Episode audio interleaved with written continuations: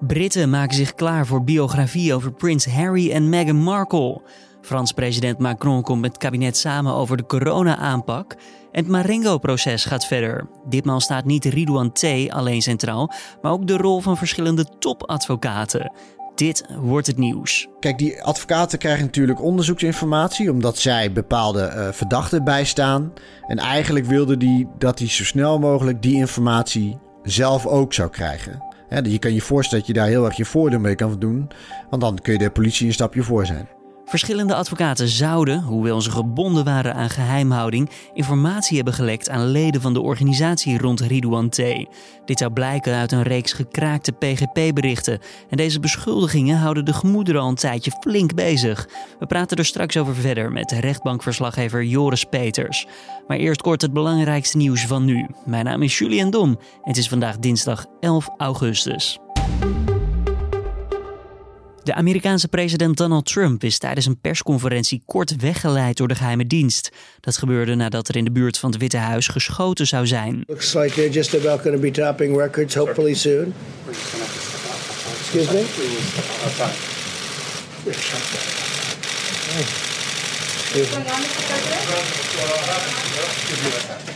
Even later keerde Trump terug en gaf hij een korte verklaring. So thank you very much. Sorry for that. The, there was a shooting outside of the White House. Inmiddels is duidelijk dat een geheim agent en de schutter beide zijn overgebracht naar het ziekenhuis. Over hun toestand is nog niets bekend. Twee drenkelingen zijn maandagavond bij het strand van Nesselanden in Rotterdam uit het water gehaald. Een jongvolwassen man, van wie de identiteit officieel nog niet is vastgesteld, is daarbij overleden. Eerder op de avond is een zevenjarige jongen in ernstige toestand met spoed naar het ziekenhuis vervoerd, al dus de politie. Zondag overleden nog vier mensen langs de Nederlandse stranden, meldde de Reddingsbrigade Nederland. Daarnaast haalden reddingsdiensten tientallen mensen uit zee. In Wit-Rusland zijn wederom duizenden de straat op gegaan in de hoofdstad Minsk. Ook in andere steden is het onrustig volgens lokale media.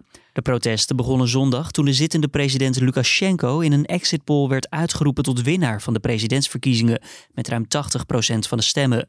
Lukashenko's grootste uitdager, Svetlana Tikhanovskaya, heeft gezegd de verkiezingen aan te willen vechten en meent dat zij de winnaar is. Tabaksprijzen zijn dit jaar flink gestegen in Nederland. In juli lag de prijs 19% hoger dan een jaar eerder, dat meldt het Centraal Bureau voor de Statistiek.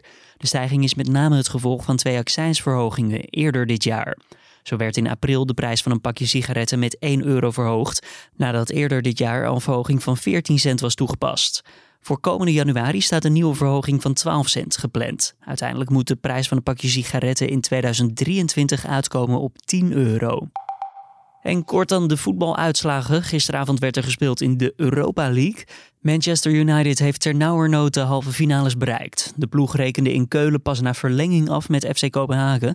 Het werd daar 1-0 na een strafschop die werd benut door Bruno Fernandes. En verder won internationale van Bayer Leverkusen. De ploeg van Stefan de Vrij was dankzij een sterke openingsfase met 2-1 te sterk voor de Duitse formatie. De Europa League wordt deze maand vanwege de coronacrisis in toernooivorm afgemaakt. Alle wedstrijden worden in Duitsland gespeeld en de kwartfinales en halve finales worden net als de eindstrijd in één wedstrijd beslist. Dan door naar de hervatting van het Marengo-proces. Oorspronkelijk zou vandaag het proces rond verschillende liquidaties en pogingen daartoe verder gaan met drie inleidende zittingen. Sinds dit weekend is echter iedereen rondom de zaak in de band van een opmerkelijke vraag. Zouden verschillende topadvocaten informatie uit strafdossiers hebben verstrekt aan de criminele organisatie van Ridouan? Wat dus mogelijk zou betekenen dat deze advocaten als een soort loopjongen zijn gebruikt. Waarom deze vraag nu gesteld wordt en waar een tal aan advocaten precies van beschuldigd worden, vroeg mijn collega Carné van der Brink aan rechtbankverslaggever Joris Peters. Ja, zondag is er inderdaad een procesverbaal uitgelekt van de dienst Landelijke Recherche. En dat gaat eigenlijk over uh, verificatie van verklaringen van de kroongetuigen. Nebel B in dit geval. En die heeft verklaard dat uh, advocaten informatie door zouden spelen uh, wat ze eigenlijk niet zouden moeten doen. Nou, en dit procesverbaal uh, is een samenvatting van verschillende PGP-berichten. Waaruit je zou kunnen concluderen inderdaad dat bepaalde advocaten informatie hebben doorgespeeld. terwijl er nog geheimhouding gold. dat met een moeilijk woord is dat een beetje de, er zaten nog beperkingen op de zaak. En dat betekent eigenlijk dat een verdachte alleen contact mag hebben met zijn advocaat. En dat die informatie binnen kamers moet blijven, omdat het anders, als het naar buiten komt, uh, dat het het onderzoek kan verstoren. Nou, en wat nu de beschuldiging is, is dat die advocaten dit alsnog hebben doorgespeeld naar leden van de criminele uh, organisatie van Ridwan T. Terwijl zij nog niet waren aangehouden of uh, of wisten dat zij verdachten waren. Dat zijn nogal flinke beschuldigingen. Weten we dan ook om wie het precies draait? Ja, er worden wel namen genoemd. We hebben, wel eens, we hebben het eerder wel eens gehad, ook in deze podcast, over Khalid Kassem. Hè, die zou informatie hebben doorgespeeld aan Ridwan T. Uh, de naam van Yassin uh, Bouchiki wordt nu ook genoemd. En ook uh, een aantal advocaten van het kantoor Fiek Partners. En als we erachter willen komen wat er zich nou allemaal heeft afgespeeld... en hoe deze bal is dus gaan rollen... dan moeten we terug naar 2015? Ja, klopt. Ja, dit zijn inderdaad berichten uh, die zijn verstuurd rond uh, 2015. Op dat moment uh, wordt er een grote wapenvondst gedaan en worden een aantal personen aangehouden. deze personen zouden in verband staan tot Ridwan T.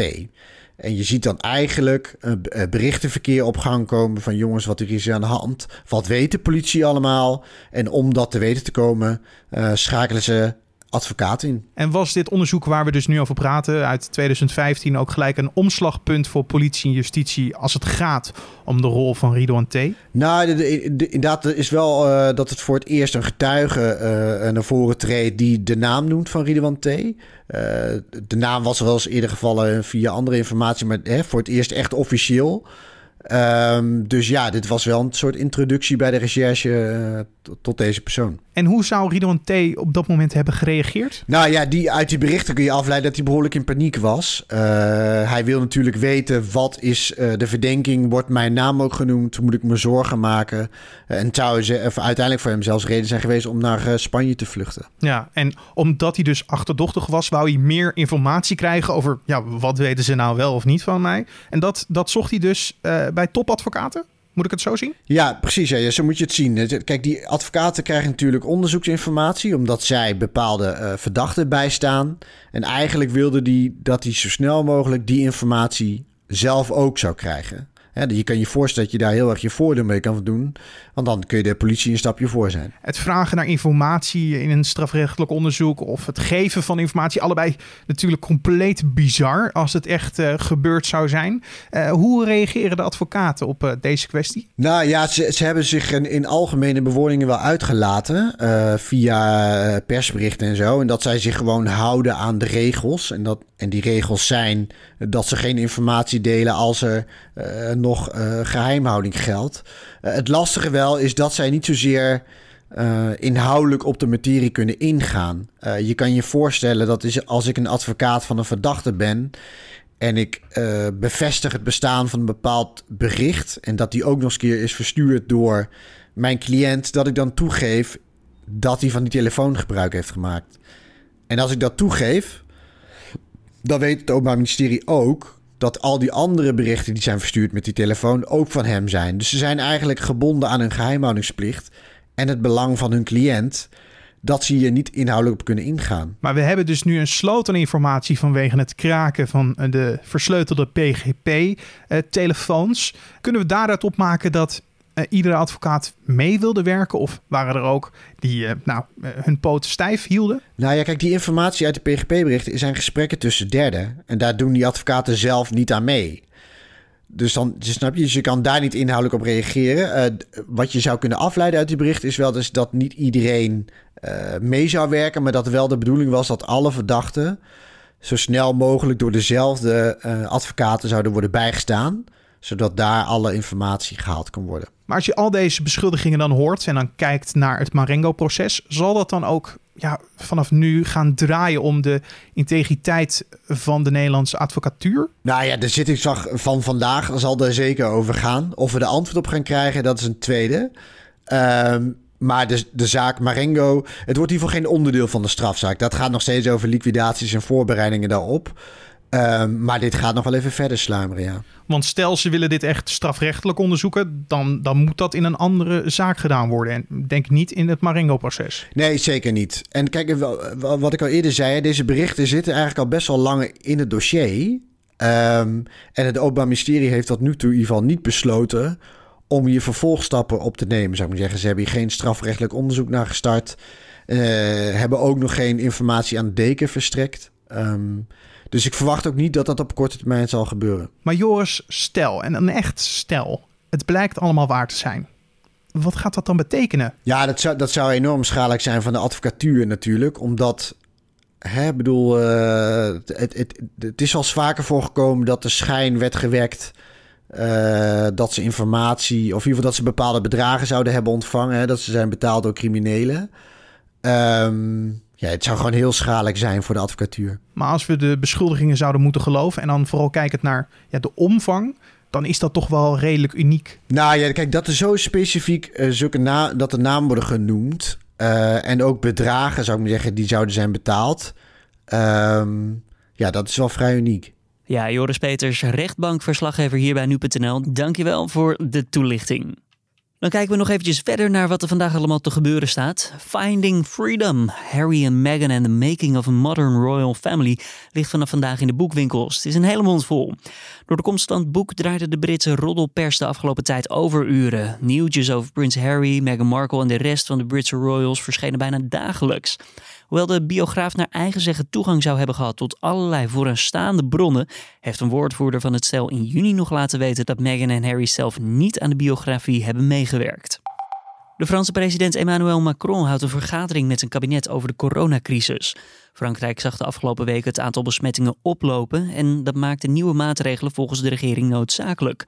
Zo werden mondkapjes verplicht in alle gebouwen die publiekelijk toegankelijk zijn. Of de Fransen met aanvullende maatregelen komen is vooralsnog niet bekend. De autoriteiten in Indonesië kijken met veel argwaan naar de activiteit van Mount Sinabung. De vulkaan op Sumatra is de afgelopen dagen twee keer uitgebarsten na een jaar van inactiviteit. Dat heeft al tot aswolken geleid die tot 5 kilometer hoogte reikten. Indonesië is in de staat van paraatheid nu de vulkaan weer tot leven lijkt te komen. En het weerbericht. Dinsdag opnieuw een hete dag met temperaturen van 30 tot en met 36 graden. In het zuiden en midden van het land kunnen echter ook wat stapelwolken ontstaan en later enkele onweersbuien. Kleine kans moet ik zeggen.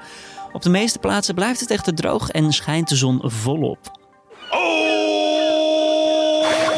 Who lives in a pineapple under the sea? SpongeBob SquarePants! Absorbent and yellow and porous is he. SpongeBob SquarePants! SpongeBob SquarePants en zijn eigenlijk ja, beroemde, wereldberoemde vriend Patrick Star krijgt een eigen televisieserie genaamd The Patrick Star Show. En Patrick, voor als je niet helemaal zeker weet wie de personages zijn in SpongeBob SquarePants, Patrick is de roze zeester. In de spin-off zullen vooral nieuwe personages te zien zijn, maar zo nu en dan komen ook oude bekenden uit SpongeBob SquarePants op bezoek. En wanneer de serie te zien zal zijn, is nog niet bekend. En zender Nickelodeon laat daarover eigenlijk nog wel, uh, nou vrijwel helemaal niets los. SpongeBob SquarePants,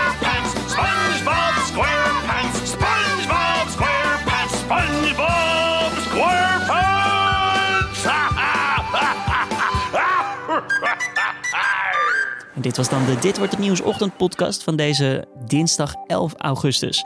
Tips of feedback? Laat het ons weten via podcast.nu.nl zoals gewoonlijk. Dan wens ik je voor nu een hele fijne ochtend. Vanmiddag is Carne van der Brink er met de middageditie van deze podcast. Die staat dan rond tussen 4 en 5 online. Mijn naam is Julian Dom en ik spreek je morgenochtend weer.